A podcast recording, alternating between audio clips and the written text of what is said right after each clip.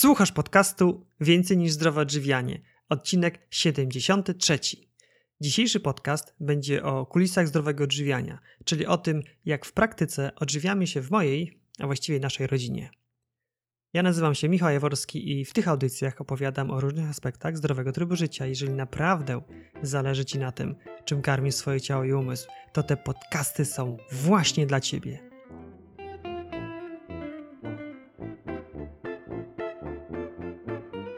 Cześć!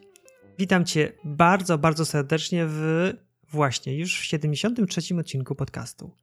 Dzisiejsza audycja będzie bardzo, bardzo, bardzo praktyczna. Opowiem w niej, a właściwie opowiemy, bo będę w niej gościł bardzo szczególnego gościa, kogoś bardzo bliskiego memu sercu. No, kto to może być?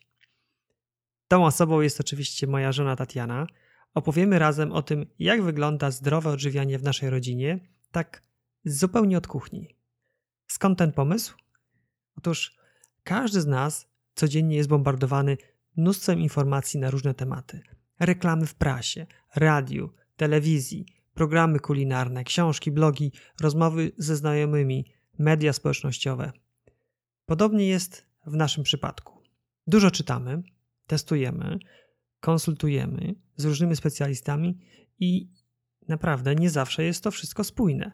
Nie zawsze jest jasne i oczywiste. Czasem trzeba po prostu zdać się na zdrowy rozsądek, albo wręcz odwrotnie zaszaleć, zaryzykować, aby sprawdzić, czy to, o czym słyszymy, czytamy, czy to po prostu ma ręce i nogi. Dlatego w tym odcinku, bez ogródek, bez owiania w bawełnę, mówimy o tym, jak obecnie wygląda odżywianie w naszej rodzinie co z tego, co wyczytaliśmy i przetestowaliśmy, się sprawdziło i na dłużej zagościło w naszej kuchni, a po czym ślad szybko zaginął. Ten odcinek, a właściwie sposób jego nagrania, jednocześnie jest pewnym eksperymentem. Otóż nagrywaliśmy go z Tatianą, jednocześnie prowadząc transmisję na żywo Facebook Live. Chodziło o to, abyście mieli swój udział w tym nagraniu. Przyglądając się takiemu live'owi, można było w komentarzach zadawać pytania, na które my odpowiadaliśmy. Wersja, którą teraz usłyszysz, zawiera właśnie pytania od uczestników transmisji, no i oczywiście nasze na nie odpowiedzi. Bardzo jestem ciekaw, jak Wam się spodoba ta formuła. Dajcie mi znać mailem na Facebooku lub w komentarzu do tego podcastu, który można znaleźć pod bezpośrednim adresem www.więcejniżzdrowoodżywianie.pl ukośnik 073. To tyle tytułem wstępu, a teraz zapraszam Cię do wysłuchania podcastu. Cześć, to Tatiana i Michał z bloga Więcej niż zdrowe odżywianie. To jest podcast. Zostałam zaproszona przez Michała do jego słynnego podcastu o zdrowym trybie życia. Jestem bardzo dumna z tego powodu. A tak. temat dzisiejszego nagrania jaki będzie? Nasze zdrowe odżywianie. Tak, to będzie odcinek pod tytułem Kulisy zdrowego odżywiania. U Jaworskich. Taki odcinek nagraliśmy jakiś czas temu, był to odcinek 17. On się nazywał Jak zacząć zdrowe odżywianie i to już było w czerwcu 2015 roku, wyobraź sobie. Dwa lata temu, ponad. Ponad dwa lata temu. Wtedy omówiliśmy, jak nasze odżywianie wygląda, natomiast w międzyczasie trochę się zmieniło. Wchłonęliśmy kilkadziesiąt nowych książek, Spotkaliśmy się z wieloma ciekawymi osobami, które zajmują się holistycznym podejściem do, do zdrowia i tak naprawdę sam jestem ciekaw, jak to będzie wyglądało, co się zmieniło przez te dwa lata mhm. w naszym odżywianiu i jak to wygląda od kuchni. Dużo i niedużo, prawda? Tak.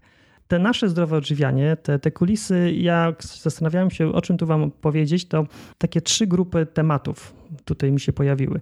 Trzy grupy, czyli tak, nasze odżywianie w domu, na wakacjach i trzeci temat, który nie tylko nam czasem sprawia kłopoty, to jest zdrowe odżywianie podczas wizyt podczas... rodzinnych i towarzyskich. Tak. I te, o tych trzech rzeczach powiemy. Na koniec też powiemy o naszych planach. Powiemy o tym, co nam się udało, co się nie udało i jakie plany na najbliższy rok, dwa w kontekście zdrowego odżywiania mamy. To jak? Zaczynamy? No, to zaczynamy. Startuj, kochanie. Skoro masz wywiad ze mną, to startuj.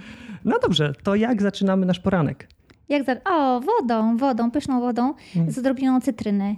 Ja akurat piję wodę, wodę taką dobrze ciepłą, nie gorącą, ale dobrze ciepłą. Mm. I ja piję, powiedzieć ile? Bardzo dużo, 640 ml wody. Na początek. Na początek. Tak, to taka ciekawostka. Już od jakiegoś czasu nie zaczynamy poranka kawą, tylko zaczynamy Taką, wodą. Tak, bardzo długiego czasu. Ja już. kawę chyba już dwa lata nie piję i dobrze mi z tym. Mi też. Mi też. Teraz byłam ostatnio na imprezie całonocnej, bawiłam się, żadnej kawy mi nie brakowało. Więc poranek zaczynamy od wypicia wody i ten nawyk już wprowadzamy również wśród dzieci. Dzieci pierwsze co robią jak wstają to mm, też piją wodę. Później mamy śniadanie. I śniadanie to jest taka ciekawostka, bo nasze śniadania są w dużej mierze na słodko, prawda? E, Tak, one są słodzone owocami. Mhm. Chyba większość z nas to są jednak typy węglowodanowe, bo jakby każdy z nas, nas ma jakąś tam naturę. Jedni wolą więcej białka, inni więcej węglowodanów, to tak zwane typy metaboliczne. I w naszym przypadku sprawdzają się dobrze śniadania na słodko. Jakie ty śniadania najbardziej lubisz? Ja lubię jaglankę. Mhm. Jaglankę z truskawkami. Jak nie truskawki, to dżem truskawkowy. Troszeczkę mleka roślinnego.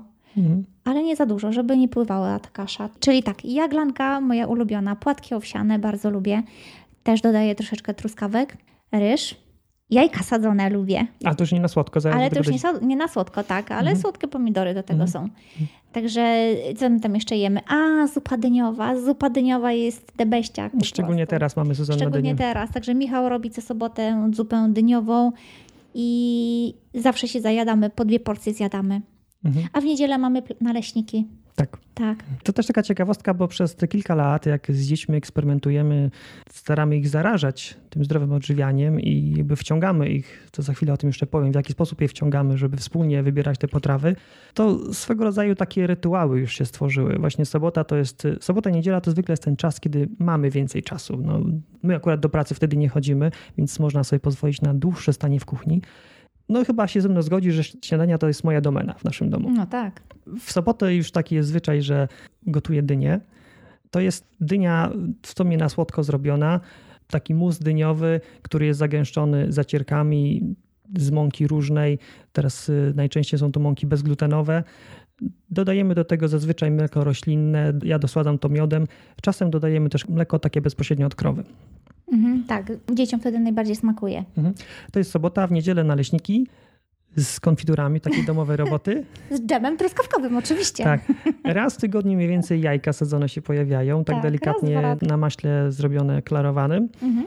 Mm, I to chyba wszystko, jeśli chodzi o śniadania. One Tak, są... a do kaszy jaglanej lubimy dodać masło kokosowe. Znaczy Mhm. tłuszcz kokosowy. Mhm. Wtedy tak mako ma przyjemną kokosową nutę. Zresztą do gotowania większości kasz dodajemy jakiś tłuszcz. Najczęściej jest to jednak kokosowy, Mhm. dlatego że do zup dodaję bardzo często masło klarowane lub oliwę z oliwek. W związku z tym, jeśli jest to coś na słodko, to daj- dodajemy kokos. Mhm. A wiesz, mamy pierwsze pytanie. Tak, ale z pytaniami poczekajmy, aż się kilka A ich się zbierze. zbierze. Tak. Dobrze. Y, Teraz obiady. Co jadamy na obiady? Zupy. Dania jednogarnkowe, może nie to, że zupy, ale dania jednogarnkowe, gdzie na przykład jest tam fasolka po brytońsku, albo coś z soczewicą, albo grochówka, kapuśniak, buraczkowa, także dużo takich, dużo wody jest e, podczas obiadu. Teraz robiłam wczoraj gołąbki pyszne, Mhm. także to już nie zupa, ale też bardzo lubimy.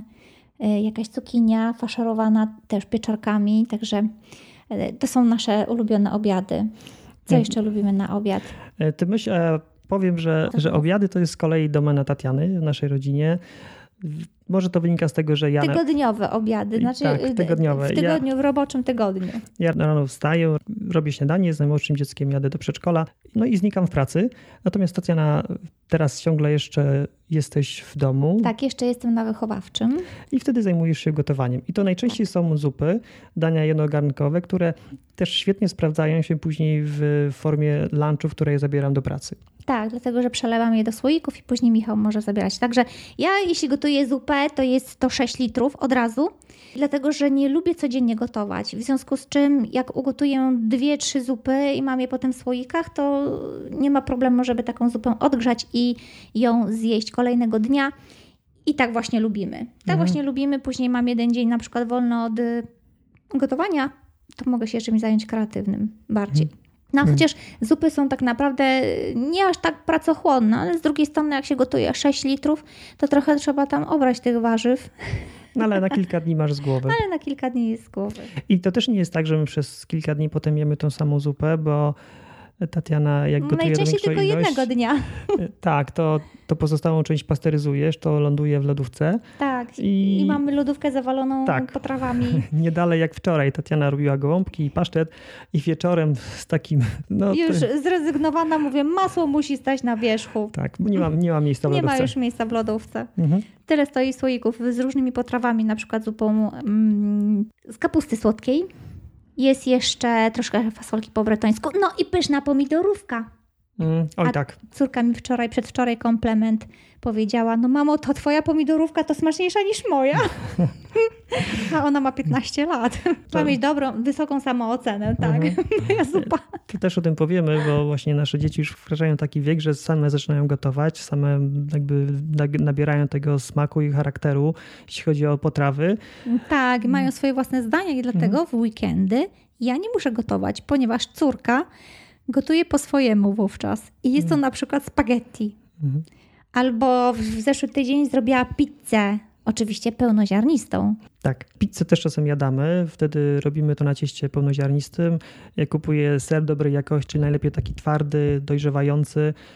Do tego dużo warzyw, dużo sosu pomidorowego Mhm. własnej roboty albo takiej Tak, dobrej Sos jakości. pomidorowy zrobiliśmy. I jak od czasu do lato. czasu coś takiego zjemy, to, to nic złego się nie dzieje, a jest dużo przyjemności przy tym i frajdy. No tak, i tak potem jeszcze jest micha sałaty, więc... Mhm. Co jeśli chodzi o pieczywo? Jakie pieczywo jadamy? Pieczywo jadamy żytnie na zakwasie, które Michałek robi. Mhm. Tak, bo ciągle Powiedz. jeszcze piekę chleb. Sam się zastanawiam, jak długo wytrwam, bo w sumie już chyba, Trzy lata może będą. nie trzy, ale co najmniej dwa lata regularnie piekę chleb.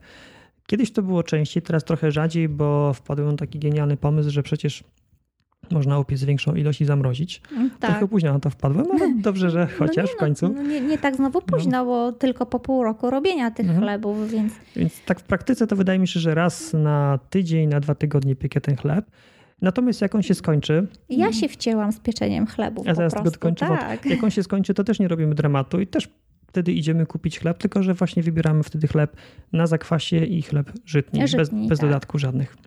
No chyba, że ze słonecznikiem, tak. No Hmm. i właśnie ja się wcięłam z robieniem chlebów, dlatego że piekę ja, robię trochę eksperymentów zresztą i też robię na zakwasie, ale na przykład właśnie gryczany albo z mąki gryczanej. Ja robię bezglutenowe chleby. Michał Hmm. robił żytni, a ja robię chleby bezglutenowe. Mhm. Dzieci lubią się opychać chlebem, więc E, Jakie mąki używamy w kuchni? W kuchni wszystkie pełnoziarniste. Mhm. Jest mąka żytnia, jest mąka gryczana, jest, jest skrobia ziemniaczana na przykład, jest mąka ryżowa, mąka kukurydziana, mąka owsiana, Jeszcze jest cieciorki. jest ciecierzycy. Mhm. Jak trzeba, to z soczewicy zrobię, bo wystarczy ją zmielić w młynku. I nie wiem, czy jeszcze jakąś. Już nie, nie kupujemy. Nie kupujemy na przykład kokosowej czy kasztanowej, takich nie kupujemy. Mhm. Myślę, że te, które wymieniłam, jest ich bardzo dużo i Co z mięsem? Skąd bierzemy mięso? Czy ciągle jeszcze Oj, jemy mięso? przywozimy, jak jedziemy do mojej mamy, prawie 300 kilometrów, to tam z kolei na wsi znajoma mieszka, ma kury i kupuje od niej trzy albo cztery kury, przywożę, rozbieramy, mrozimy i jemy je no, przez kilka miesięcy tak naprawdę, bo dużo nie, jedziemy, nie jemy mięsa. Dlatego Mhm. no, wystarcza nam na, do kolejnego wyjazdu.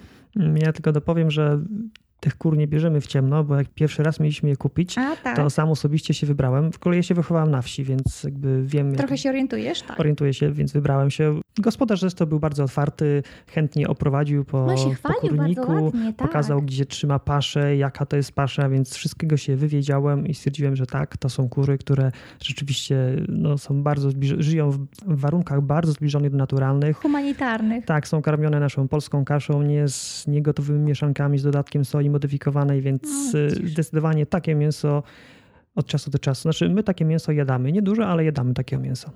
No tak. Czasem e, zdarzy się na przykład, no nie wiem, kupić wątróbkę, ale też nie, nie dużo kupujemy mięsa w markecie, tak? Tylko To takie Y. już naprawdę takie wyjątkowe sytuacje i to Mhm. są niewielkie ilości. Wędliny. Jaki rodzaj wędlin? ja gotuję schabik, Mhm. ty robisz wędlinę wędzoną raz, dwa razy do roku. Tak, dwa razy do Dwa roku razy do wędzę, wędzę mięso. Te dwa razy to akurat się zbiega Ze ze świętami. ze świętami. A potem to leży zamrożone i czeka. Mhm. Także mm, dużo tego nie jemy, ale jemy. Oprócz tego raczej tak dla atrakcji dla dzieci kupuję kabanosy, takie, które mają bardzo dobry skład. Sprawdzam, co tam jest, więc, więc takie kabanosy lubią, biorą sobie czasem do szkoły. Mhm. Natomiast więcej jemy ryb. Rzeczywiście no, no i tak. tu staramy się kupować ryby dziko żyjące. To jest ciekawostka, bo... Że staramy, no nie kupujemy już innych. No, od jakiegoś czasu rzeczywiście mhm. już nie kupujemy. Wcześniej mi się wydawało, że to chodzi o te antybiotyki i sterydy, którymi tam się karmi i że tym się tylko różnią ryby wolno żyjące tych hodowlanych. Okazuje się, że nie, że jest więcej różnic, choćby, no bo po co jemy ryby? No głównie po to, żeby te kwasy omega-3 uzupełniać. Taką mamy wielką nadzieję, że w tych rybach morskich te kwasy się znajdują, ale zupełnie niedawno się dowiedziałem, że te ryby jako takie, one nie potrafią tych kwasów omega-3 tworzyć same w sobie, z siebie, tylko że one zdobywają te kwasy poprzez zjadanie dziko rosnących glonów. I o ile jest to ryba dziko żyjąca, to ona rzeczywiście ma dostęp do tych glonów i może się nasycić w pewien sposób tym kwasami omega-3. O tyle ryby mm, hodowlane to niestety nie mają dostęp. Chociaż te łososie, nawet hodowlane, troszkę tych kwasów omega-3 mają, ale to dlatego, że jakieś 20% karmy sztucznej, którą dostają, to są zmielone inne ryby, więc y, trochę tych omega-3 mają w tej karmie, natomiast y, nie są tak y, wartościowe jak ryby dziko żyjące. I Naprawdę kupienie ryby dziko żyjącej nie jest jakimś wielkim wyczynem. W większości popularnych marketów można znaleźć głęboko mrożone polędwice, dorsza atlantyckiego. atlantyckiego. Tak. Można sole kupić, mhm. można kupić śledzie, makrelę. Także to są bardzo wartościowe ryby mhm. dziko żyjące. Jakie oleje używamy w kuchni? Hmm, zależy do czego. Na zimno olej lniany i oliwę z oliwek, a na ciepło oliwę z oliwek, masło klarowane, tłuszcz gęsi, a i jeszcze na zimno masło zwykłe. Mhm. Jeszcze jakiś, a i tłuszcz kokosowy na gorąco. No i na zimno też tak naprawdę. Do słodyczy go dodaję. Dodatkowo oleje jeszcze znajdują się w orzechach, w ziarnach, no tak. których dużo jemy. Także Jemy tylko... i dodajemy też do, do potraw. Mhm. Eksperymentowaliśmy chyba z olejem ryżowym. Ale to wiesz, jak e, jeszcze przechodziliśmy tylko mhm. w fazie przejściowej, tak, do smażenia. Tak, on jest dobry do podpiekania, bo tak. ma bardzo wysoki punkt dymienia. Tak, natomiast, natomiast my mało smażymy, a jak smażymy, to właśnie na maśle klarowanym. Mhm. Mleko, jak już wspominałem, głównie pijemy mleko roślinne, to są napoje roślinne, ale czasem też kupujemy takie mleko prosto od krowy, też w sklepie naszej wiosce jest dostępne. Naszej wiosce. Z, z terminem przydatności 4 dni. Jest to też nie jest kłopot, żeby takie zdobyć. Nie, niekoniecznie trzeba szukać rolnika i od niego, jak ktoś ma taką możliwość, to super, ale nie jest to krytyczne. Mhm. Jemy dużo strączków. Oj tak, dużo jemy. Mhm. Bo ponieważ i pasztety robię z soczewicy, i robię fasolkę po bretońsku, i grochówkę, i jak robię zupę, to dodaję soczewicę, albo na przykład zrobiłem pomidorówkę, a do tego jest e, soczewica czarna. I to jest pyszne. Tylko nie gotuję soczewicy w pomidorówce, bo byłaby brzydka w kolorze. Chociaż w smaku idealna. Też ze strączków robimy humus. O tak, humus. Bardzo lubimy. Falafele mhm. uwielbiamy. Nie jemy tego tak dużo, no bo są bardzo mocno smażone, ale robimy od czasu do mhm. czasu. Bardzo je lubimy. Dzieci je uwielbiają. A no i co? Fasolka szparagowa z orzechami. Hmm. Oczywiście dużo warzyw i owoców kupowanych na lokalnym targu. Natomiast to taka bardzo fajna zasada, którą Tatiana w tym roku wprowadziła. Otóż na początku, latem. na początku lata stwierdziła, że latem nie będziemy kupować jabłek. Dlaczego? Dlatego, że jemy je okrągłym rokiem. Jabłka się bardzo dobrze przechowują i dlatego w styczniu one są świetne, ale nie ma wtedy wspaniałych malin, borówek. Można kupić oczywiście mrożone, nie ma problemu. Natomiast to jest tak wspaniale nasycić się przez ten okres letni tymi właśnie urośniętymi i dojrzałymi owocami. I tak naprawdę to czuliśmy się fantastycznie. Jedliśmy no. tak dużo owoców, że czasem to, nie no, moja mama się śmiała, bo przychodzi pora obiadowa, a ja wyjmuję śliwki i je zjadam. A mama mówi, no ale przecież to chyba jakiś obiad trzeba, musisz zjeść. No, mówi, no wystarczą mi te śliwki. Śliwki do tego trzy orzechy i jestem po obiedzie.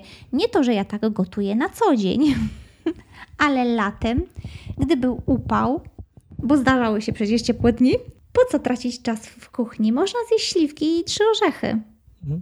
To jest dopiero prosta kuchnia. I, I, ta zasada nie kupowania jabłek, chociaż bardzo lubimy jabłka, świetnie się sprawdziła, bo to bardzo pobudza kreatywność, bo idąc na targ, no to już się wie, że jabłek nie kupimy, a jemy dużo owoców, no to trzeba było wtedy wybierać w tych sezonowych i to się rzeczywiście świetnie sprawdziło. Mm. No teraz, tydzień temu dopiero kupiłem pierwsze jabłka, bo stwierdziłem, że no już akurat tego dnia nawet śliwek nie było. Jaki żal. Mhm. A jest październik. Tak. Koniec października, bo nie wiem, kiedy podcast będzie. Tu może odniesiemy się do pytań, bo się pierwsze pytania pojawiły. Dobrze, czyli tak, Lucynka, Katarzyna i Halina. Zaczniemy od Lucynki? Tak, to może ty zacznij, bo ja nie wiem, co odpowiedzieć. Kochanie, no ja przecież oczywiście zawsze będę mówiła, oczyszczanie trzeba zrobić. Trzeba no, zrobić oczyszczanie. Przeczytaj pytanie. O, przepraszam. Co polecacie przy przewlekłym zapaleniu zatok? Ja polecam oczyszczanie organizmu. Dlaczego? To może ty powiedz, tak ładnie opowiadasz o tym. Oczyszczanie organizmu. Są różne metody, ale generalnie jest to okresowa dieta niskokaloryczna, która powoduje, że organizm spala swoje rezerwy. I one mogą być w różnej postaci. Zaczyna od, od tłuszczu, ale później też przechodzi do zdegenerowanych białek i ta terapia, na przykład trwająca dwa tygodnie, powoduje, że organizm po pierwsze się oczyszcza, ale po drugie uruchamia takie swoje wewnętrzne mechanizmy samouzdrawiające. I mieliśmy przypadki osób, które brały udział na, w naszych kursach oczyszczających. Które, ja jestem takim przypadkiem. Które po takim oczyszczaniu różne rzeczy się dzieją. Leci z nosa, po prostu leci z nosa, potrafi lecieć krew z nosa. Więc zatoki się wówczas oczyszczają. Czasem nie oczyszczą się przez dwa tygodnie i należy oczyszczanie powtórzyć, ale one się oczyszczają. Mają hmm. w każdym razie szansę. Nie jest to proces typu tabletka i, i przechodzi. Może to potrwać dwa tygodnie, ale wówczas, kiedy nie podajesz organizmowi zbyt dużo jedzenia, on ma czas na regenerację, ponieważ on nie lubi próżnować i jeśli nie jest zajęty trawieniem, to naprawia swoje uszkodzenia i tam, gdzie ma problemy, uwalnia wirusy, które gdzieś siedzą w nas. Mhm. Oczyszczanie lucynka. Więcej o takim oczyszczaniu można poczytać pod hasłem post Daniela albo dieta doktora Ewy Dąbrowskiej. I też na naszym blogu mhm. można o tym poczytać. Tak. Także bardzo zachęcam. Katarzyna napisała, że też piecze chleb. Mhm. No i wspaniale. A Halinka zapytała, czy rybki też na maśle klarowanym smażymy. Tak, na maśle klarowanym smażymy. Mhm. Chociaż staramy się nie smażyć, zjadać je na przykład w zupie. Ja na przykład uwielbiam przepis Tatiany na zupę rybną z dodatkiem mleka kokosowego. Jest na naszym blogu, polecam. Ta ryba jest rewelacyjna. Ta ryba, ta zupa, tak, no bardzo mhm. smaczna. Nawet ciocia, którą poczęstowałam, wyobraźcie sobie, że ona powiedziała, że poczuła smak z dzieciństwa. I ja wiem, że to nie dzięki temu mleku kokosowemu, ponieważ wtedy na pewno nie, nie było ono dostępne, ale to było takie pochlebstwo dla mnie, mhm. dlatego że ona jadała tą zupę rybną, no może nie taką samą, inną, ale po prostu poczuła tą rybkę i bardzo jej smakowała. Także no Michałowi też smakuje, pyszna mhm. jest. Gorąco polecam. To jeszcze taki ostatni punkt dotyczący odżywiania, to mam suplementy. Czy my bierzemy jakieś suplementy? Tak, przez pół roku mniej więcej bierzemy witaminkę D3. Jak również ja podczas moich dwóch oczyszczań, bo oczyszczań było więcej, ale podczas dwóch z nich y, zażywałam suplementy, które wspomagają oczyszczanie. Zasilają jeszcze bardziej organizm w mikroelementy. Te oczyszczanie jest wówczas bardziej intensywne. Oprócz tego jest to z odrobaczaniem, więc gdyby były jakieś pasożyty, to one wtedy wyjdą. Powiedz tak. o włosach. Jak wychodzą włosy? Mhm. tak, wiele osób to w ogóle to nie jest to. Y, jeśli chodzi o to oczyszczenie suplementami, to spektakularne to było to, kiedy paznokieć zaczął mi odrastać. Nowy. A jeśli chodzi o włosy, to one faktycznie nie tylko przy tym oczyszczaniu, ale przy innych formach oczyszczania, przy poście Daniela, przy tym oczyszczaniu warzywno-owocowym, po samym oczyszczaniu wypadają włosy i wszyscy wpadają w straszną panikę, ale zapominają spojrzeć, że na ich miejsce wyrastają maleńkie nowe włoski. Uszkodzone cebulki po prostu wychodzą tak jak powinny i na to miejsce wyrastają nowe włosy. I tak było u mnie. U mnie było, bo no tak zauważyłam, troszeczkę mi tych włosów wypadło i tak mówię, no, no dobrze, no ale wiadomo, cyklicznie. Czasem po prostu więcej włosów wypada, ja nie wpadam w panikę.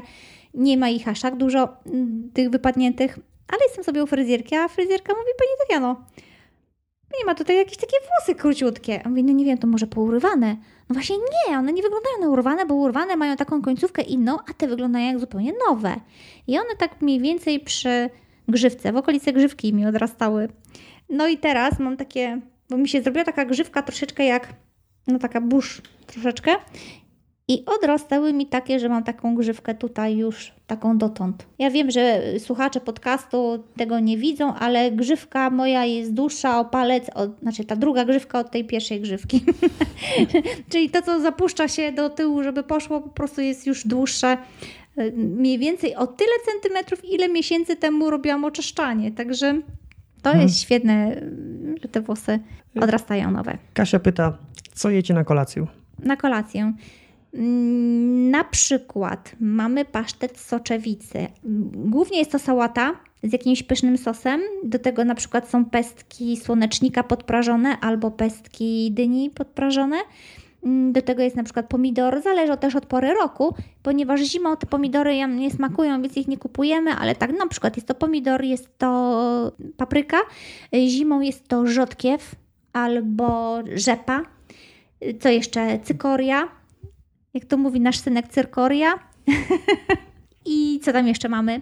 Coś białkowego lubimy. Ogórki, ale ja jeszcze Ogórki powiem, właśnie, kiszone albo świeże. Opowiem, bo przez pewien okres długi robiliśmy na wieczór taką sałatkę, że wszystkie warzywa zmieszane, polane sosem tak. i to się dobrze sprawdzało, ale no, Aż Tatiana powiedziała, przejadło nam się, że trzeba coś tutaj unowocześnić i wyjęłam taki wielki talerz, który kiedyś kupiłam w IKEA lat temu 15. Stał sobie gdzieś na stryżku, taki z takiej trzciny jakiejś. I ja to wyjęłam, umyłam i mówię, no, to mniej więcej by było takie... No tak za 40 cm średnicy. Duży talerz płaski. 50 myślę. 50. Duży płaski talerz drewniany. I to jest dla nas dobra wielkość, dlatego że tak, sypiemy sałatę jedną, sałatę drugą, zależy jaką. Na przykład jest kapusta czerwona albo kapusta biała. Bardzo lubimy ją pokroić na bardzo cienkie piórka. Troszeczkę solą posypać, żeby ona sobie zmiękła w trakcie, kiedy przygotowujemy pozostałe potrawy czy warzywa.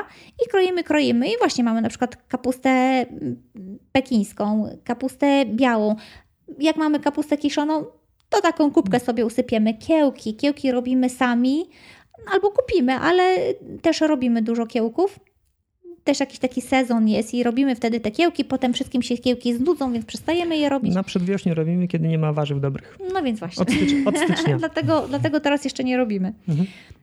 I co tam jeszcze dorzucamy? No i właśnie układamy takie różności i, i, i, jakieś takie atrakcyjne wzorki czasem nam wychodzą. I coś ciekawe, to każdy sobie nakłada garścią te warzywa akurat, na które ma ochotę, sobie robi swoją własną, tak, swoje potrzeby mieszankę. Tak, i sobie polewa sosem, który jest w słoiczku. Tak, Halinka pyta, jaki sos robicie do sałat? A to Michał hmm. pyszne robi. Najczęściej to jest taki bardzo prosty sos vinaigrette na bazie oleju lnianego.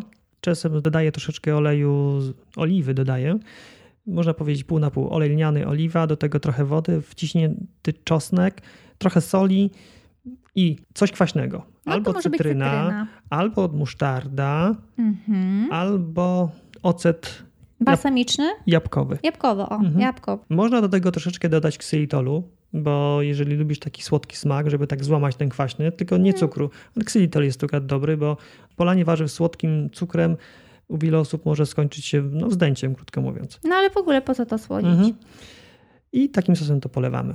I tak, to jest naprawdę bardzo smaczny sos, szczególnie z tą musztardą. Tak, i nie jemy samych warzyw, ale jakby ta mhm. miska to jest główne centrum dowodzenia i do tego dajemy albo jakiś warzywny pasztet, pieczywo pełnoziarniste, zawsze jest masło, awokado, bardzo lubimy sobie otwierać awokado i po kawałku albo go zjadać gryząc jak jabłko, albo robić cienkie plasterki układając na pieczywie. No i czasem też mamy wędlinę. Tak. I wtedy sobie bierzemy, nie wiem, po dwa no plasterki. Raz w miesiącu chyba. To tak, ale trzeba powiedzieć. Tak, mamy czasem wędlinę. Szczególnie mamy w okolicach czasem... świątek zostanie.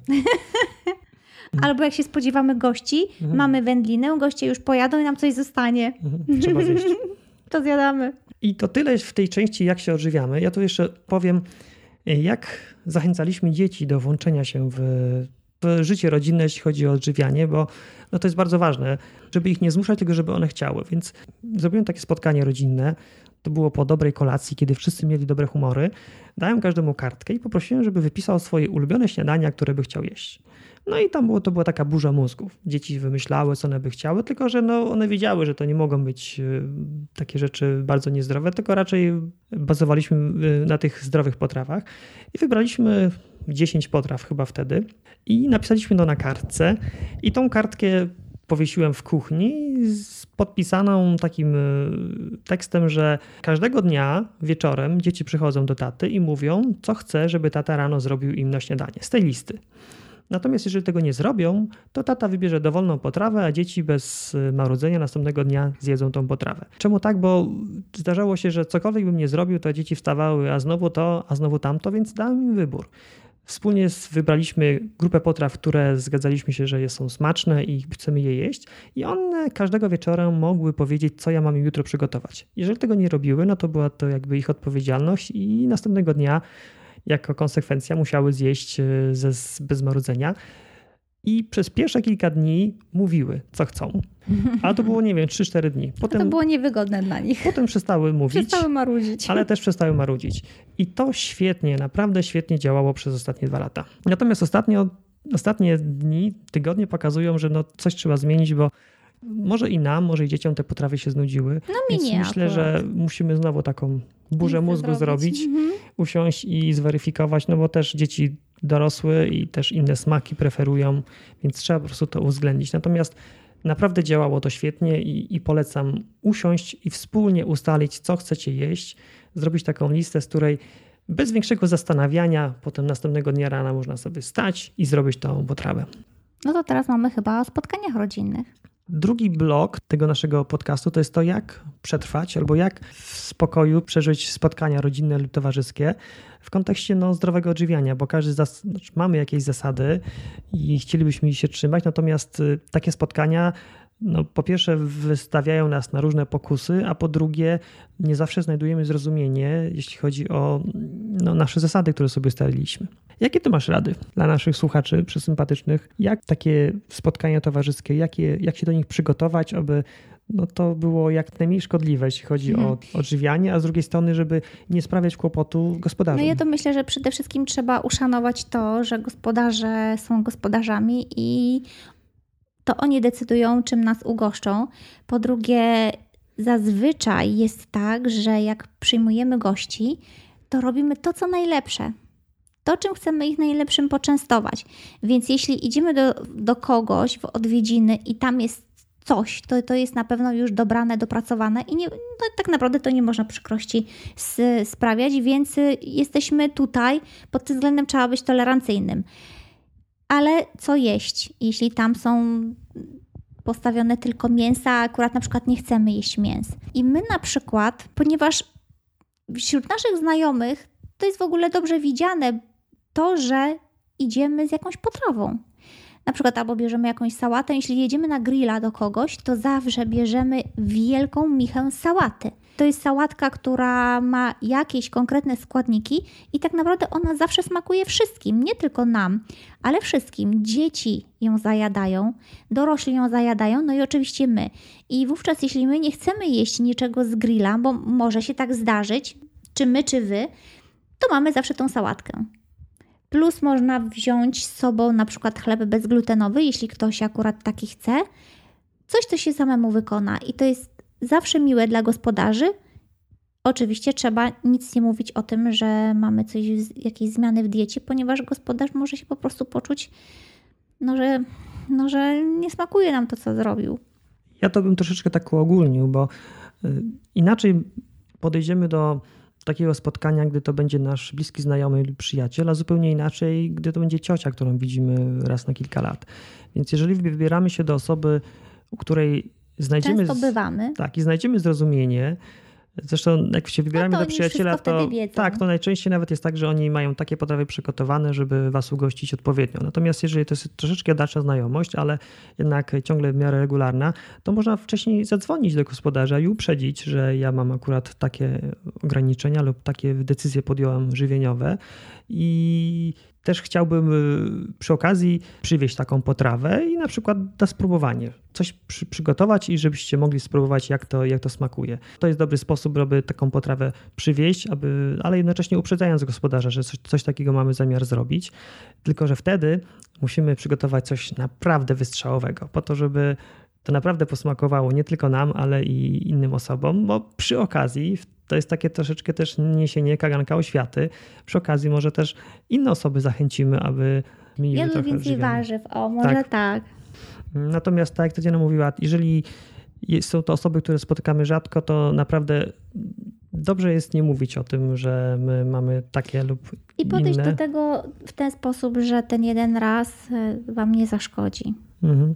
No bo to my już wiemy z doświadczenia, że to się nie da tak na siłę niczego zmienić. Jeśli ktoś zacznie temat y, kontynuować, wtedy mówimy, opowiadamy, tak? Mhm. A bardzo często po prostu nie należy w ogóle nic tak. Mówić. A na każdym stole, tak przeciętnie zastawionym, zawsze znajdziemy jakieś warzywa. Jakąś dekorację z tak, sałaty. Jakąś cytrynę, którą te warzywa można polać i nawet można sobie skomponować bezglutenowy i bezmięsny posiłek. Także to tylko kwestia no, takiej ruszenia głową i, i kreatywności. No i chęci. Tak. Kolejny punkt, który mam, to wyjazdy wakacyjne, bo tak, w domu już byliśmy, byliśmy w odwiedzinach u znajomych, no ale Zazwyczaj raz do roku się jeździ na jakieś wakacje. My też e, staramy się wakacje raz do roku spędzać z całą rodziną, w sensie z naszymi dziećmi.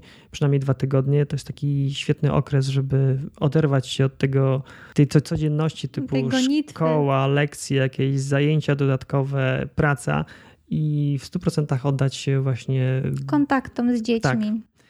Jak my wtedy się odżywiamy?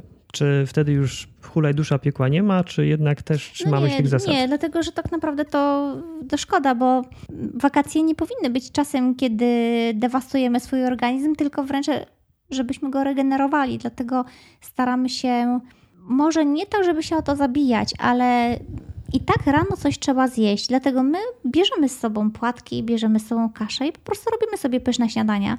Później obiadamy się oczywiście owocami lokalnymi Kupujemy również oliwę, kupujemy co na przykład rybkę. Lokalne rzeczy jemy. Mhm.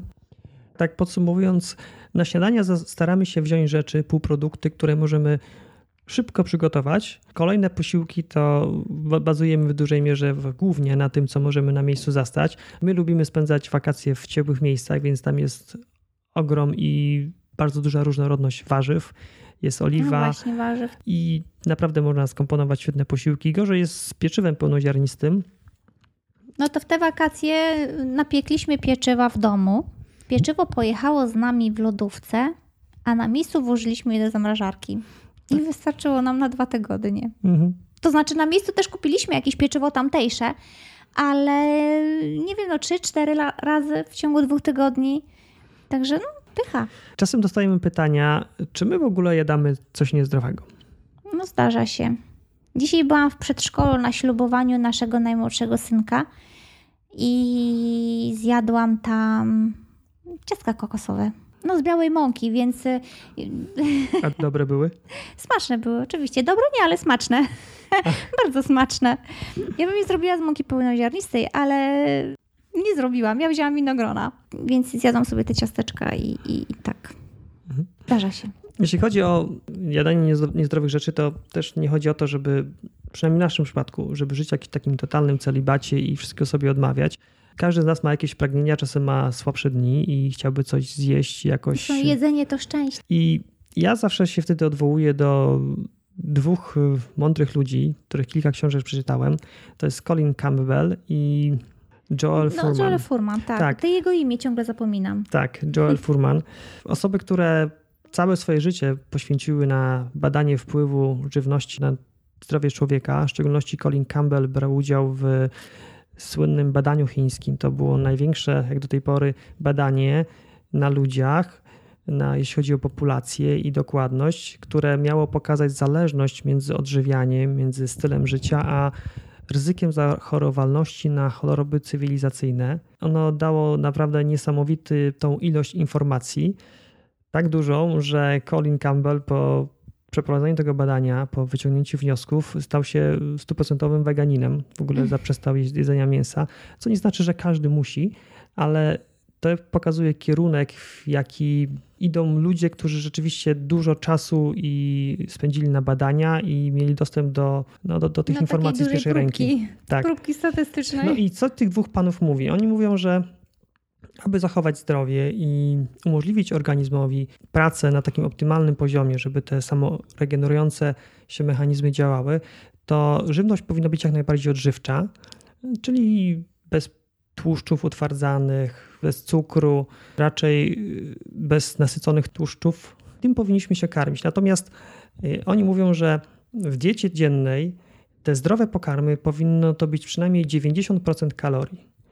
Czyli jeżeli tymi zdrowymi pokarmami dziennie będziemy zaspokajać 90% zapotrzebowania kalorycznego, a tylko maksymalnie 10 przeznaczać na te, na te zachcianki, to jesteśmy, mamy duże szanse, żeby w, w zdrowiu dożyć sędziwego wieku.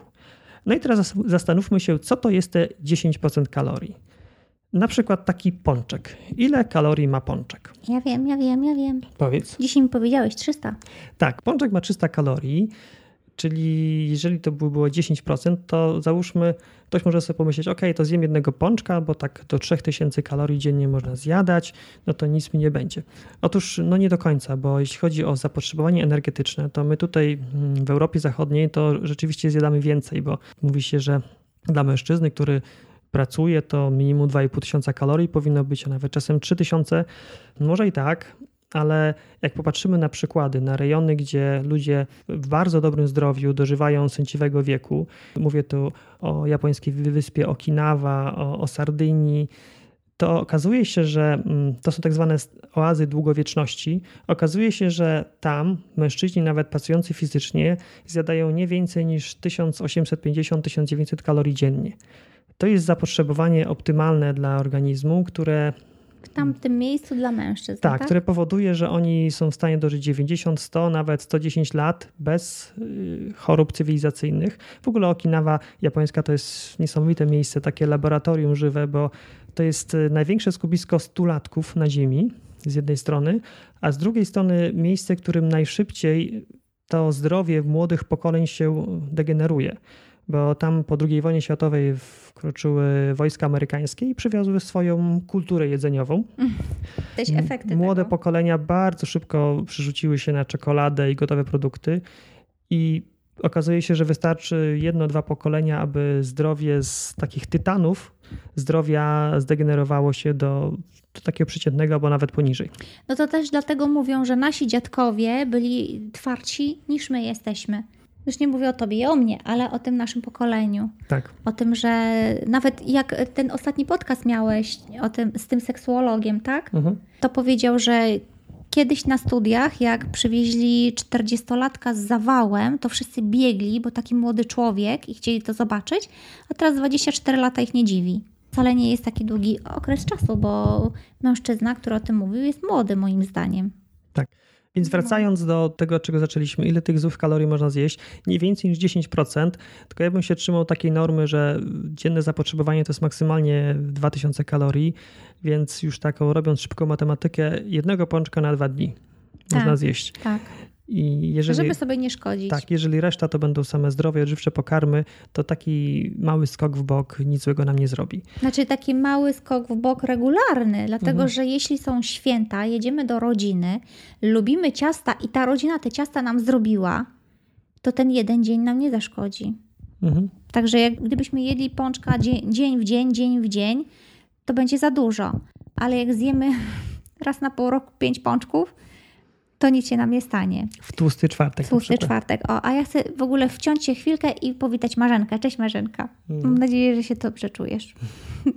Kolejny temat, który sobie tutaj zapisałem, to mm, okresowe posty i różne terapie, które stosujemy, aby utrzymać nasze zdrowie na jak najwyższym poziomie, jak- w jak Mhm. najlepszej kondycji. Co takiego robimy? Oprócz tego, że się staramy zdrowo odżywiać, również cyklicznie się oczyszczamy. Na przykład dwutygodniowe posty robimy dwa razy w roku, a oprócz tego mamy wyzwania z naszymi czytelnikami, na przykład na sokach albo na samych warzywach. To są oczyszczania warzywno-owocowe, czyli na warzywach, taka dieta typowa Ewy Dobrowskiej, albo mm, jaglany detoks, gdzie Też. to jest e, oczyszczanie na bazie diety alkalicznej z, również z kaszami, ze zdrowymi tłuszczami. Tak, i jak się zastanowisz, po co robimy jaglany detoks, skoro tam jest i tłuszcz, i prawie wszystko, to powiem, że chodzi o to, że nawet podczas takiego jaglanego detoksu, gdzie my może już nie jesteśmy jakoś szczególnie zanieczyszczeni, ale to jest też dobry okres na odciążenie organizmu. I wtedy nie spożywamy białka. Wystarczy to, które jest w kaszach. Mm, na pewno nie trafi nam się na przykład alkohol, gdzie podczas normalnego życia e, lampka wina się potrafi trafić, więc podczas takiego jaglanego detoksu nie, nie trafia się. E, I nie jemy produktów zakwaszających, na przykład absolutnie nie jemy wówczas glutenu, żadnym pieczywie, nawet mm, żytnim, więc to też jest wówczas detoks. I bardzo lubimy, dlatego że on jest taki bardzo smaczny. Bardzo smaczny, ma sporo kalorii, więc nie głoduje się. Tak, i taka dieta jaglana, alkaliczna, ona powoduje, że organizm jest odciążony. Po pierwsze układ trawienny, bo wtedy jest mu łatwo jej strawić to, co zjadamy. Jest to taka dieta, gdzie jest dużo gotowanych posiłków, dużo zup, które są dużo łatwiejsze do strawienia, dużo łatwiej organizm może z nich pozyskać energię. I dzięki temu część energii może przeznaczyć na samoregenerację, na na wzmocnienie wątroby, płuc, nerek, po to, żeby one efektywniej, te toksyny, które tam się nazbierały, no bo pochłaniamy toksyny z powietrzem, z produktami tak, spożywczymi. Tak, mimo wszystko. Możemy się zdrowo odżywiać, ale tak. jednak powietrze no, przez skórę, skóra największy organ, tak? Więc... I te efekty oczyszczające, one są najbardziej widoczne u osób, które pierwszy raz taki detoks przechodzą, bo nagle się okazuje, że zaczyna ich boleć głowa, że czują się niedobrze. Mm -hmm tak, tak, bo kawy się wówczas też nie tak. pije. A gdy to robią trzeci, czwarty, nawet czasem już drugi raz, jest zupełnie, zupełnie inaczej. No chyba, że w międzyczasie piją bardzo dużo kawy, to, to yy, troszeczkę to odczuwają, natomiast z każdym razem coraz mniej. Mm. Więc to są takie terapie dwutygodniowe, które staramy się robić dwa razy w roku, ale to nie tylko, bo też czasem jest tak, że A po prostu... sobie robimy. Tak, że po prostu czujemy, że na przykład jakoś we wrześniu byliśmy na wyjeździe, gdzie no, zdarzyło nam się jeść no, więcej. No bo w hotelu byliśmy i tak. po prostu zjedliśmy to, co było w hotelu i może nawet za dużo. I okazało się, że jak wracaliśmy, to ja już poczułem, że no, muszę coś, coś. Jutro nie jemy. Tak, coś z tym zrobić. I mówię, ok, jutro robimy sobie głodówkę na, na wodzie, taką mokrą. To nie była tylko woda, to były herbatki ziołowe, mhm. ale przez cały dzień nic nie jadłem. I no, czułem się dobrze. A następnego dnia też w ogóle czułem się świetnie, taki puściutki, oczyszczony, super. Tak, tak. Więc to są takie momenty, kiedy organizm, jak już się wsłuchamy w niego, on sam nam mówi, że coś musimy zrobić. Mhm, że nawet czasem nas pytają, jak często należy robić oczyszczania. No my możemy tak teoretycznie powiedzieć, ale każdy z nas wie później już najlepiej. Mhm. Po prostu czujemy, że chcemy, albo na przykład, nie wiem, przychodzi czas oczyszczania, ale czuję, że nie mam na to ochoty. Że ewidentnie nie mam, po prostu mam opór. To trzeba przeczekać. Może za tydzień, może za dwa się zachce. Jeszcze z takich terapii, które okresowo stosujemy, to jest picie poranne kleiku z siemienia lnianego. Robimy sobie tak dwa, trzy razy w roku.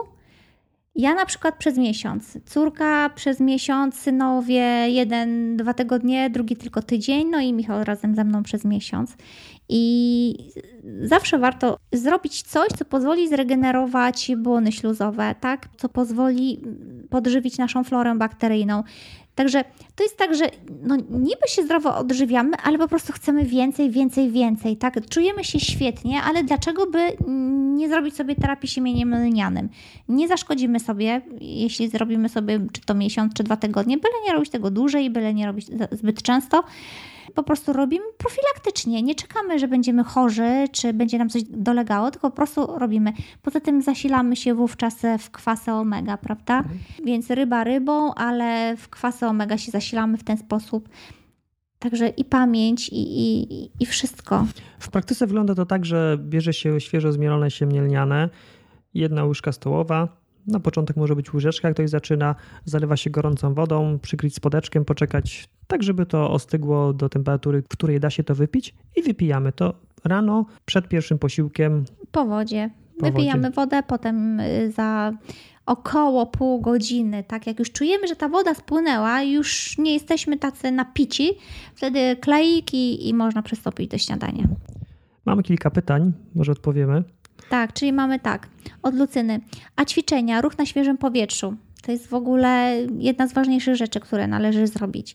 Po pierwsze się dotleniamy, po drugie pozwalamy Pozwalamy wapniowi wejść do kości, to jest bardzo ważne. Nasz organizm jest silniejszy i Poczekaj, czy my to robimy? Właśnie. No i oczywiście, no ale to tak chciałam, wiesz, dodać, no.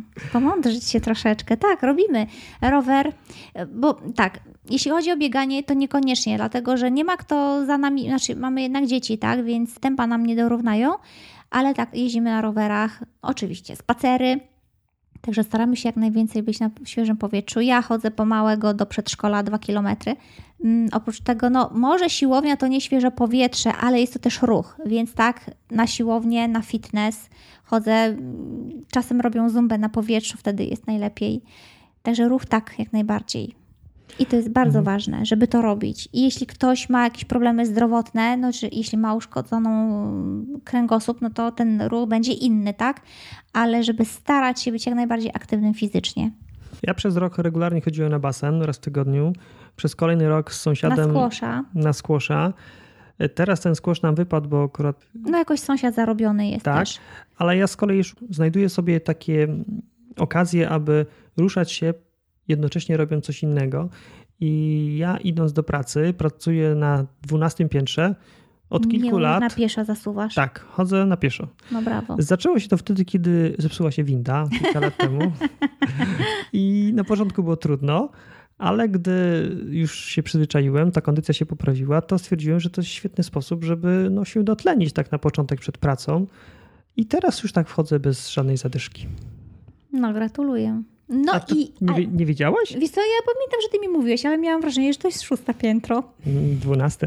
to dwunaste. Własnego męża bym w pracy nie znalazła. ale jaki mamy plan, kochanie?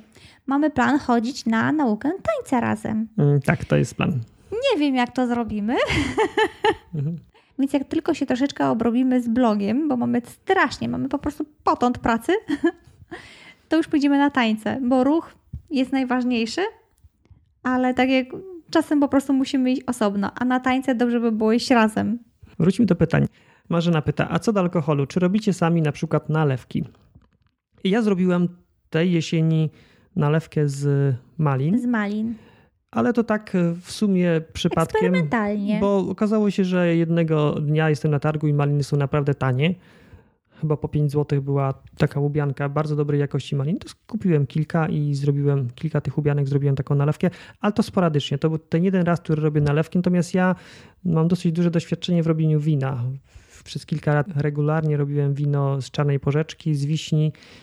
No i ono do tej pory nawet w piwniczce leży i to jest takie super, bo wchodzę do piwniczki, a tam widzę wino z 2002 roku na przykład. No to ładnie. 15 lat.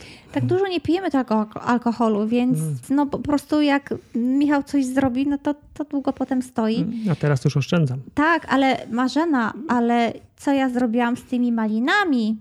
Maliny wydostaliśmy z... Te z nalewki. Te z nalewki. Po prostu zrobiłam to moją czekoladę, która jest na blogu i razem z tymi malinami wymieszałam no i wylałam po prostu na płasko, żeby wyszła z tego czekolada. Takie, Takie batony mm -hmm. wyszły. Pycha. Pycha, Pycha także jakbyś kiedyś robiła jakąś nalewkę, to wydostań te owoce i zalej je, no moją oczywiście czekoladą, no. to mogę polecić. Ania pyta, czy na poście dr Dąbrowskiej można pić rano siemielniane? Raczej nie. Nawet zdecydowanie nie, bo to tak. jest tłuszcz i jest unikamy tłuszczu. Ale można na, Ale jaglanym... na jaglanym detoksie możesz to pić. Mhm. A jeśli chodzi o siemielniane, to właśnie rewelacyjnie, jak skończysz post Dąbrowskiej, wtedy to siemielniane wprowadzić. Masz super wchłanianie, yy, wspaniale odżywiasz florę bakteryjną, więc koniecznie po poście. Kolejny punkt taki mam. Jak często chorujemy i co wtedy robimy? Właśnie ja widziałam, że ten punkt napisałeś i nie mogę sobie przypomnieć. Miałem go nie mówić? Nie, nie, miałeś go mówić, tylko ja nie mogę sobie przypomnieć, e, kiedy my ostatnio chorowaliśmy i co sobie, jak sobie poradziliśmy. Wydaje mi się, że to było w sierpniu, pamiętasz? E, zatrucie żołądkowe. No, no ja nie wiem, że to było zatrucie. No nie, nie, nie sądzę. Mhm. Myślę, że to był jakiś wirus po prostu. Mhm. E, dlatego że właśnie pojechaliśmy sobie do Szklarskiej Poręby w trójkę. Jest nas pięcioro, pojechaliśmy w trójkę, więc pojechaliśmy jak młode małżeństwo z małym dzieckiem. Wspaniały, piękny czas. Po trzech dniach ja w nocy wymiotowałam kilka razy. Później rano wstaliśmy, no jakoś funkcjonuje, nic nie jem. Poszliśmy coś zwiedzać, tak troszeczkę miałam żołądek na lewą stronę, ale dużo wody, wody, ciuteńkę cytryny do tej wody, żeby była smaczniejsza i tak naprawdę to wszystko. To wszystko, to była ta woda. Potem wymiotował maluch mhm. kilka razy, przy czym on, dziecko jest w ogóle cudowne, dlatego że jak ono powie, chce chlebek i będzie jadło ten chlebek, no to je je. A jak powie, że nie chce, no to jakby nie zmusza się. Czyli organizm dziecka pięknie pokazuje, czego dziecko potrzebuje lub właśnie nie potrzebuje w tym momencie. Czyli tak, na przykład on chciał chlebek, no to dostał kawałek chlebka, jadł, jadł, odłożył, powiedział już nie chce i zwymiotował. Potem tak jeszcze ze cztery razy zwymiotował. Mhm. A potem nic nie chciał jeść i jak już zaczął wracać do siebie, to wybierał potrawy, które mu podchodziły, czyli nie trzeba było nic mu wciskać, martwić się, ponieważ trochę głodówki nikomu nie zaszkodzi. I on sam powolutku wracał do siebie i zaczynał już jeść. I oczywiście dużo wody. Nic słodkiego, żeby tam nie dożywiać e, żadnych patogenów, więc tylko woda, woda ociupinka cytryny, żeby tam dezynfekować. Czyli to, mhm. woda najlepiej wypłukuje wirusy. No i Michał też się źle poczuł, ale ty chyba nie zwymiotowałaś ani razu. Nie, ale tak mi żołądku burczało i czułem, że tam coś się dzieje. Coś ci jeździło. Tak, i rzeczywiście to musiał być jakiś wirus. Ale co ciekawe, to trwało ile? No u mnie noc, i potem jeszcze dzień i wieczorem już zaczynałam do siebie wracać. Mały tylko w ciągu dnia, to to już nie wiem, godzinę? Znaczy tam w sumie jedną noc i poranek czułem się źle i, i to wszystko. Mówię o tym dlatego, że zazwyczaj takie wirusówki, bo mm, my pamiętamy to z poprzedniego naszego stylu odżywiania, trwały trzy dni. Teraz u nas się kończy w ciągu jednego dnia. Tak, ja tak. kiedyś, zanim zmieniłem odżywianie, to regularnie dwa razy do roku miałem infekcje górnych dróg oddechowych. Coś z gardłem miałeś. Czasem nawet jakieś antybiotyki. Wtedy lekarze mi dawali, wtedy nie byłem świadom, że to przecież jest wirus i antybiotyki w ogóle sensu nie ma najmniejszego brać. A teraz y, ja nie pamiętam, kiedy ostatnio coś takiego miałem. Znaczy miałem Ale coś takiego jak coś jesienią. Łapie, to bierzesz tak, teraz sodę. Raz jak mnie to łapało jesienią, tak minimalnie, to robiłem sobie płukanki z sody i po dwóch, trzech takich płukankach wszystko przechodziło. O, i mały jak poszedł do przedszkola od września, to zaczęło mu z nosa cieknąć. O, to jest coś chyba istotne. I pokasływał. To do groty solnej z nim jeździłam. No i oczywiście woda, woda, a syrop z cebuli, no i został w domu, tak? I do groty solnej. Z, tam, tam trzeba co prawda być zdrowym, ale on nie był chory, tylko po prostu mu coś z nosa ciekło. I po tygodniu jeżdżenia do groty solnej jemu nic nie jest. Podsumowując, chorujemy rzadko, na tyle rzadko, że ja ja tego nawet nie, nie nazywam tak. chorobą, dlatego że chora to ja byłam, kochanie, 4 lata temu, jak mnie grypa dopadła. To wtedy mhm. byłam chora. Mhm. A wcześniej też przez kilka lat nie byłam chora, więc wszyscy się zdziwili.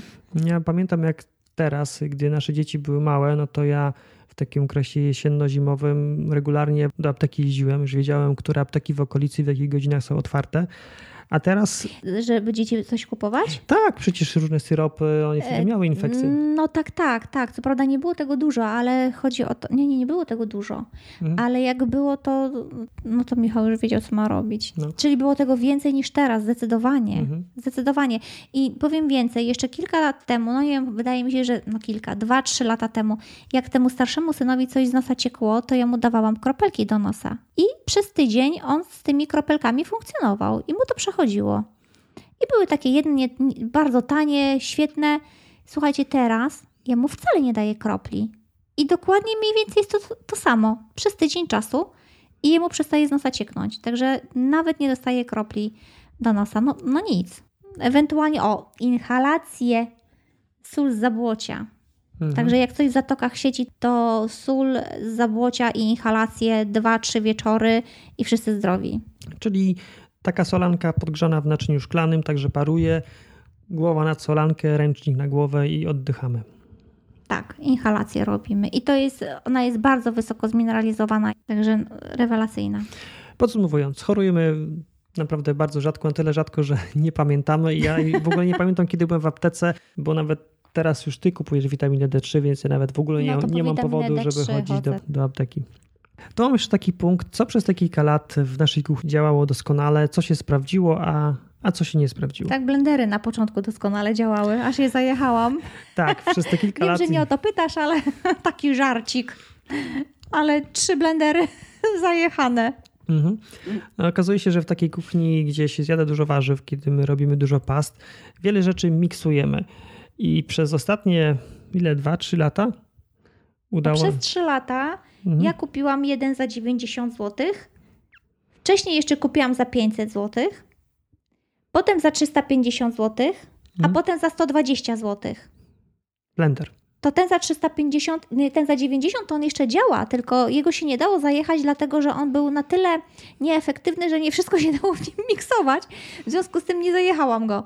Ale no co, w tym za 350 y, no noże po prostu Rozszczelniły wszystko się. Tak, wszystko się powyginało. Mhm. W tym teraz ostatnio, no to, to rozszczelnił się właśnie, bo przy takim obciążeniu, czyli jeśli na przykład robi się y, smoothie, koktajl, mus owocowy na śniadanie, tak? Czyli na przykład, nie wiem, jeszcze jak maluszek był w domu, robiłam mu koktajle, żeby dużo warzyw zjadał. Na przykład nie chciał jeść szpinaku, nie chciał jeść jarmużu, a ja chciałam, żeby on to zjadał. To mu robiłam codziennie koktajl albo z jarmużu, albo ze szpinaku, oczywiście z dodatkiem banana, bo inaczej by nie dało rady. Więc tak, najpierw Michał robił mus do śniadania. Później ja robiłam smoothie dla małego. I powiedzmy, że to były te dwa razy, tak? I tak dzień w dzień. No to tak długo to nie wytrzymał, zaczął po prostu przeciekać. Bo on był taki doskonały, bo był rozkręcany, ale to niestety był jego minus też. Tak, i teraz testujemy czwarty blender, taki już y, Czwarty albo piąty, w każdym razie kolejny. wydaje się ten docelowy, bo na razie on spełnia nasze oczekiwania. Co on nawet potrafi robić, powiedz? Ojejku, ja zrobiłam wczoraj cukierki. Tak, Cukierki takie prawie ciągutki, no coś jak krówka. Świetne, będzie przepis na blogu, rewelacyjne są, po prostu pyszne, są nie za słodkie. Można oczywiście zrobić słodsze, jak się dosłodzi bardziej miodem, ale są pyszne. Mm, dałam obcemu człowiekowi, który nie jada mojej kuchni, powiedział, że są pyszne, bo nie lubi słodyczy, a za trzy cukierki, więc będzie przepis. I on to potrafi, ten, ten blender jest świetny, a oprócz tego masło orzechowe jest w stanie zrobić, albo z sezamu wydostać olej. To Michałowi się udało. tak, bo miała Tak być... skawalił sezam, że wyszedł taki słoiczek oleju z, ze szklanki sezamu. Mhm, tak. Niesamowite. No nie mówię już o tym, że zupę potrafi zmiksować. I pasztet. Pasztet, bo to zawsze był dla mnie priorytet. Zupa to jest nic, każdy po- potrafi. Koktajl to jest nic, bo jak się doleje mleka, nawet, znaczy, czy roślinnego, zawsze każdy blender zrobi. Ale pasztet nie każdy, a Mhm. ten potrafi. Tak, i ten blender teraz testujemy. Jeżeli on się sprawdzi, to będziemy negocjować. No, że y, właściwie jesteśmy w trakcie negocjacji, bo ja już się Tak. prawie na niego zgodziłam, mhm. więc jesteśmy w trakcie ne- negocjacji obniżki dla naszych czytelników. Mhm. Więc zobaczymy, jaką tą obniżkę nam się uda wynegocjować, więc Tak, jak już zaglądajcie do nas. skończymy go testować, to na blogu się pojawi artykuł i tam będzie informacja, co to za blender i jak można skorzystać z takiej obniżki dla, Tak, dla tak, naszych tak. czytelników. Także i będą świetne, znaczy świetne, no, dobra, ale się chwalę. I będą przepisy. A czy świetne to się okaże, bo to każdy z Was albo Wam smakuje, albo nie. Sprawdziła się wyciskarka do soków. Wolnoobrotowa. Ona się sprawdziła, bo mieliśmy w domu do porównania inną wyciskarkę, która była trzy razy droższa od tej, więc y, nasza wygrała. Natomiast teraz planujemy jeszcze inną wyciskarkę przetestować, siostrę naszego nowego blendera i zobaczymy, co wtedy będzie. Czy będą lepsze soki, czy lepiej będzie wyciskała, co ona jeszcze będzie potrafiła robić, bo będzie miała, podejrzewam, jakąś przystawkę do tego Mhm. żeby robiła jeszcze coś innego, więc zobaczymy. Zobaczymy, może też będzie można Wam zaproponować jakąś zniżkę, jeśli będziecie zainteresowani, jakbyście byli w jakiejś potrzebie i kupić chcieli. Świetnie się sprawdziło i nadal się sprawdza sitka do gotowania na parze. O tak, to jest dopiero prosty wynalazek. Garnek jest normalny i do tego sitko. E, Można też taką, taką wstawkę mieć do garnka, czyli to też jakby sitko, ale się tylko wstawia do garnka i tam ma takie dno, taki, ono się dostosowuje do, do garnka. To też jest świetne. Także to się Mhm. bardzo sprawdziło. W ogóle gotowanie na parze to jest super sposób, żeby jadać warzywa o takim bogactwie smaków z jednocześnie małą ilością przypraw, w szczególności soli. Bo gdy gotujemy na przykład brokuła albo kalafiora na parze, to jego sole mineralne nie są wypłukiwane przez wodę, tylko są, zostają w jego wnętrzu. I smak tak przyrządzonego warzywa jest nieporównywalny z tym, które jest gotowane w wodzie. Tak naprawdę takiego brokuła czy kalafiora można to zrobić tylko na parze, delikatnie go posypać jakimiś ziołami i nawet już nie potrzeba soli, żeby świetnie smakował. Mhm, tak, tak. Właśnie kalafiora tak lubimy właśnie. Mhm. Plozja smaku po prostu. Ziemniaki też, pyszne. Dobrze. A jakie mamy plany na przyszłość, jeśli chodzi o nasze zdrowe odżywianie? No taniec, Więcej ruchu? więcej, no, jeszcze więcej ruchu, tak. Mhm. Oprócz tego, a wiesz co, właśnie teraz testuję sól zasadową, która ma odkwaszać organizm przez skórę. Więc poprzez kąpielę A o, na czym to polega? wskakujesz do wody z solą zasadową i się moczysz. A to nawet lepsze niż y, te głodówkowe posty. No nie, no to jest Ale- tylko dodatek. Przyjemniejsze. O, przyjemniejsze, ale to jest tylko dodatek. To jest wspaniałe uzupełnienie postu. mhm. Oprócz tego można podczas pracy zanurzyć sobie nogi i kilka godzin mieć w tej wodzie z solą zasadową i też e, ma swoje zadanie spełniać, ale to dopiero testuję, więc zobaczymy. Gdybym była bardziej zanieczyszczona, to bym coś więcej widziała. Tak, to jest troszeczkę trudno przetestować. Co tam jeszcze mamy? Ja niedawno przeczytałem książkę Andreasa Mor Morica. Morica Oczyszczanie A, wątroby O, i woreczka dopiero. żółciowego. Wyższa szkoła jazdy, kochanie. Tak, natomiast temat mnie bardzo interesował. Jest to sposób, wydaje się bardzo prosty, praktykowany Mhm. przez wiele osób. Polega on na tym, że no, odżywia się przez jakiś czas, minimum tydzień, taką lekką dietą, na przykład taką alkaliczną, jaglaną i jednocześnie każdego dnia pije się jakąś tam ilość soku jabłkowego, świeżo wyciskanego. I ten kwas zawarty w soku jabłkowym powoduje, że kamienie żółciowe, które znajdują się w wątrobie, się zmiękczają i potem po tygodniu się zażywa jakąś sól gorzką i coś jeszcze, i oliwę, i chyba to- sok z grejpfruta. I to powoduje, że te kanały żółciowe się rozszerzają i kamienie I są zmiękczone wydalane. kamienie wydalają Tak. się. I taką terapię powtarza się kilka razy, żeby oczyścić wątrobę. Aż przestają wychodzić kamienie. Mhm. I to powoduje, że te kamienie, że te kanały żółciowe się udrażniają i cały układ trawienny działa dużo efektywniej. No tak. No, to to jest przed nami. Tak, taki mamy plan. No właśnie, musimy sobie w końcu to zrobić. Mhm.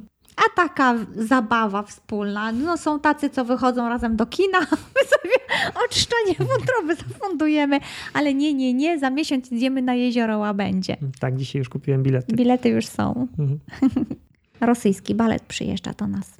W ten sposób przeszedłem przez całą listę rzeczy, które na dzisiejszy podcast przygotowałem. Tak. Jeżeli macie jakiekolwiek pytania jeszcze związane z tym, jak się odżywiamy na co dzień, z jakimi wyzwaniami się borykamy, bo no, my też jesteśmy normalnymi ludźmi, też mamy różne dni, nie zawsze się chce, nie zawsze jest to z uśmiechem na ustach, czasem po prostu trzeba zagryźć zęby i zrobić to, co podpowiada rozum. Mhm. Więc jak macie jakieś pytania, to śmiało. Ja jeszcze tylko, Marze- Marzenka napisała, że robi rokrocznie wiśniówkę i, i nalewkę z czarnego bzu. No brzmi nieźle. Mm, Mam nadzieję, że cukier nierafinowany używasz. Albo jeszcze lepiej Albo miód. bez cukru. Albo miód, tak. Bez cukru. Bez cukru się nie da, bez słodkiego. Marzenka dosładza gruszkami, klapsami. To na koniec jeszcze zachęcę, jeżeli ktoś jeszcze nie miał okazji pobrać e-booka, mm, sześć kroków do, do zdrowego odżywiania, gdzie to, co w tym podcaście dzisiaj mówiliśmy, jest w formie takiej pigułki opisane, krok po kroku, jak te zdrowe odżywianie wdrażać, no to zapraszamy. Wystarczy wejść na adres www.więcej-niż-zdroweodżywianie.pl ukośnik prezent, ukośnik prezent i stamtąd tego e-booka Ale się- tylko raz jest ukośnik prezent. tak, I można na koniec pobrać. ukośnik. Dziękuję bardzo osobom, które się na żywo Ale jest pojawiły. jeszcze od Lucynki. Tak, jest Lucyna pytanie. napisała, a co ze wzdęciami po kapuście i fasoli? Wyobraź sobie, Lucyna, że nie mamy. Ale nie dlatego, że nie mamy, bo jesteśmy tak doskonale zbudowani, tylko my po prostu nie popijamy posiłków. Jak popijemy, wzdęcie się pojawi. Także jemy, gryziemy dokładnie, nie popijamy, a akurat po fasoli, czyli to jest sporo tego białka, po fasoli to tak z półtorej godziny dopiero pijemy. I do tego się po prostu trzeba przyzwyczaić. To jest jedna rzecz, żeby nie popijać posiłków białka. W ogóle żadnych posiłków nie powinnaś popijać, ale druga rzecz jest taka, że strączki mają w sobie cukier, zapomniałem jego nazwę, który fermentuje w jelicie grubym. I to stąd biorą się te gazy. Ale on nie zawsze fermentuje. On fermentuje wtedy, kiedy nie ma enzymów, które są w stanie go strawić. I jeżeli ktoś ma takie problemy, właśnie wzdęcia po strączkach, bo fasola tutaj jest jednym z przykładów rośliny strączkowej, to powinien strączki wprowadzać stopniowo i powoli, po to, żeby układ trawienny wytworzył odpowiednią florę bakteryjną i enzymy, które będą rozkładały m.in. ten cukier, który potem już nie będzie fermentował. Więc tu trzeba się uzbroić w cierpliwość. To może trwać kilka dni, kilka tygodni albo dłużej. Każdy z nas jest inny i, mm. i ma swoje tempo, ale tak jak Tatiana mówiła, zacznij od tego, żeby nie popijać tych posiłków i, I zjadaj przykład, małe ilości. Tak, małe ilości i na przykład nie jedz z chlebem, bo zazwyczaj fasolkę się zjada z chlebem. Nie jedz jej z chlebem, bo akurat może być tak, że w Twoim przypadku to połączenie, bo nie mówiliśmy o połączeniach pokarmów, mhm. które stosujemy. To połączenie dla Ciebie może być niekorzystne. Znaczy, ja nie wiem, czy Ty masz zdjęcia przepraszam, bo o to zapytałaś, ale ja rozumiem, że po fasoli może pojawić się wzdęcie i obawiam się, że to jest po prostu związane z tym, że często ludzie po pierwsze zapijają, ponieważ fasola jednak jest taka zapychająca, po drugie zagryzają pieczywem. I te dwie rzeczy powodują, że później może być problem właśnie ze wzdęciem. Więc jeśli ktoś ma takie problemy, to niech zacznie od tego, że jak je fasolkę, to tylko fasolkę i niech poczeka z tym piciem, a jak już po prostu musi coś wypić, to niech wypije tylko jednego łyka, żeby sobie nie zaburzać tej pracy, nie rozżydzać enzymów trawiennych. I zobacz, jak to będzie. I to samo z kapustą. Z kapustą jeszcze jest tak, że tam się tą pierwszą wodę odlewa, tak?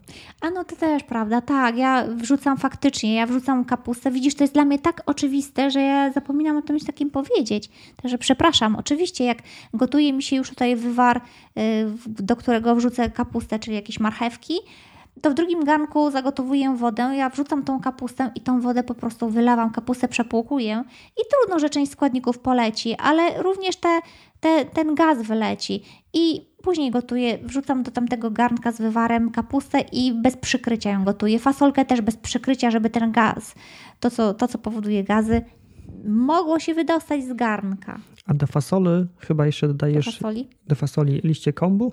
Dobrze pamiętam? Kiedyś dawałam, ale powiem Ci szczerze, że tak naprawdę to tak. Dajemy ziela angielskie, które też jest przeciwko wzdęciom, liść laurowy, lubczyk, majeranek. To są wszystko zioła, które przeciwdziałają wzdęciom. I ta fasolka jest taka bogata w te zioła. No i tak. Ja akurat robię bez mięsa, żeby też już nie było takie ciężkostrawne. I do kapusty, jak robię, no to na przykład ziemniaki niektórzy dają, no to ja nie daję ziemniaków do kapusty. Mam nadzieję, że coś, ta odpowiedź może coś pomoże. Na pewno. o, no widzisz, Lucyna napisała, że super, dzięki, fajne propozycje, a o tym nie pomyślałam, aby pierw obgotować, czyli najpierw sparzyć tą kapustę i, i dopiero wówczas do gara. I tak samo jest z fasolą, no przepraszam bardzo, tak samo jest z fasolą. Pierwsza woda idzie do szamba, czyli fasola y, się zagotowuje, wylewam wodę, przepłukuję fasolę i dopiero daję do, do, do drugiego garnka i tam się gotuje fasolka po brytońsku. A tego nie no. wiedziałam. Nie wiedziałeś, no widzisz. No to, nie mówiłam ci. Bo to twoja domena. E, jeśli chodzi o fasolkę po bratańsku, to tak, mam swój magiczny przepis i ty nie masz do niego dostępu.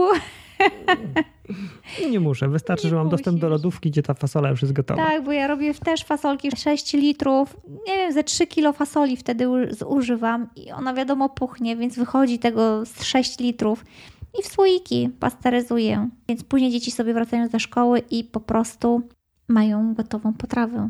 Mhm. A ja mam wolne od gotowania. Mogę popracować przy blogu. Teraz mamy dużo pracy, ponieważ mhm. robimy kolejny kurs, tworzymy kolejny kurs, mhm. więc, więc faktycznie dzieci przychodzą i sobie świetnie radzą. Mówiliśmy o wspólnych posiłkach, kochanie? Ach, nie mówiliśmy. No bo nie było Bardzo na to ważna czasu. rzecz. Tak, bardzo ważna rzecz, żeby jadać posiłki z dziećmi, w ogóle całą rodziną i nam się udaje co najmniej jeden posiłek dziennie w weekendy są to wszystkie posiłki. Co najmniej trzy, bo my jadamy tak naprawdę to trzy posiłki i gdzieś tam przegryzamy owocem, więc dzieci jedzą troszeczkę więcej, to sobie w dwójkę albo w trójkę usiądą czasem i sami zjedzą. Oni sobie już sami posiłki przygotowują. Więc tak, a tak to kolację zawsze razem jemy. Nawet jeśli ja z córką wracam po karate prawie o 20, to wszyscy czekają i jemy wtedy razem. I mi się jeszcze udaje z dziećmi często zjeść obiad, jak wracają ze szkoły. Tylko wieczorem to już są takie lekkie posiłki. Jeżeli to jest No godzina tak. 20, to głównie to się ogranicza do tak. warzyw i jakąś oliwę do tego. Zresztą córka też właśnie po drodze zje jabłko. W związku z tym, jak siada do kolacji, to ona nie jest jakoś szczególnie wygłodzona, także jej to wystarcza. Mhm. Zresztą dzieci tak naprawdę to nie. Dzieci rządzą się i tak innymi prawami. I to, co my jemy, to my jemy troszeczkę mniej niż oni. Więc jak oni sobie chcą zjeść kanapkę z pasztetem wieczorem, to ja im na to pozwalam. Ja nie muszę jej jeść, ale dzieci, no to wiadomo, jak chcą, to jedzą. Żeby nie było, że nie pozwalamy, bo, bo coś tam oni potrzebują, mają większe zapotrzebowanie. My na dzisiaj będziemy kończyć. Oprócz tego podcast będzie opublikowany, tak? Tak, jeżeli ktoś wpadł tylko na koniec, nie ma teraz czasu obejrzeć całości, z, no to może zajrzeć na bloga więcej niż zdrowe odżywianie w ciągu kilku tygodni. To nagranie się pojawi w formie podcastu, które można będzie sobie ściągnąć na telefon i przesłuchać w dowolnej chwili, będąc w ruchu. Tak jest. W ruchu słucham podcastów na bystrofonie. Tak. Tak właśnie dzisiaj wymyśliłam, że smartfon to przecież bystrofon. No tak, takie trochę spolszczenie. Kto jeszcze nie zajrzał, to niech zajrzy pod adres www.więcejnizdroweodżywianie.pl ukośnik prezent, skąd będzie można sobie ściągnąć e-booka 6 kroków do zdrowego odżywiania. A my dzisiaj będziemy już się z Wami żegnać. Było nam Tak bardzo miło. Żegnamy się, życzymy Wam dobrego, spokojnego wieczoru. I co? I do zobaczenia, do usłyszenia, do kontaktu. Cześć. Cześć! Pierwotnie podcast chciałem zakończyć pożegnaniem na transmisji Facebook Live, jednak już w trakcie montażu zauważyłem, iż razem z Tatianą zapomnieliśmy o jeszcze jednej ważnej kwestii. Chodzi o planowanie i robienie zakupów spożywczych. Mówiliśmy co prawda o zakupach owocowo-warzywnych na targu, ale zapomnieliśmy o jednej bardzo ważnej kwestii. W naszym przypadku już od kilku lat idealnie sprawdzają się zakupy przez internet. W sklepach internetowych kupujemy produkty, które są o długim terminie przechowywania, głównie zboża i bakalie. Pierwotnie kupowaliśmy małe ilości, ale jak zobaczyłem ostatnie zamówienie Tatiany, to o nie miałem. Okazuje się, że niektóre produkty kupujemy już w 5-kilogramowych workach. Na przykład ryż brązowy, kasza eglana, płatki owsiane, mąka gryczana albo kasza gryczana niepalona. To, co wspomniałem, to nie są wszystkie produkty, które kupujemy w sklepach internetowych.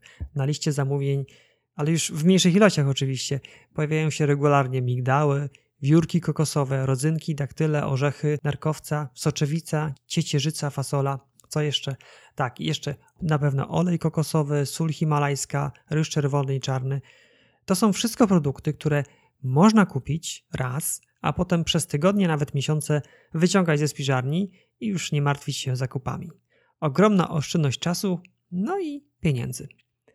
No dobrze, to tyle tytułem uzupełnienia nagrania z Facebook Live.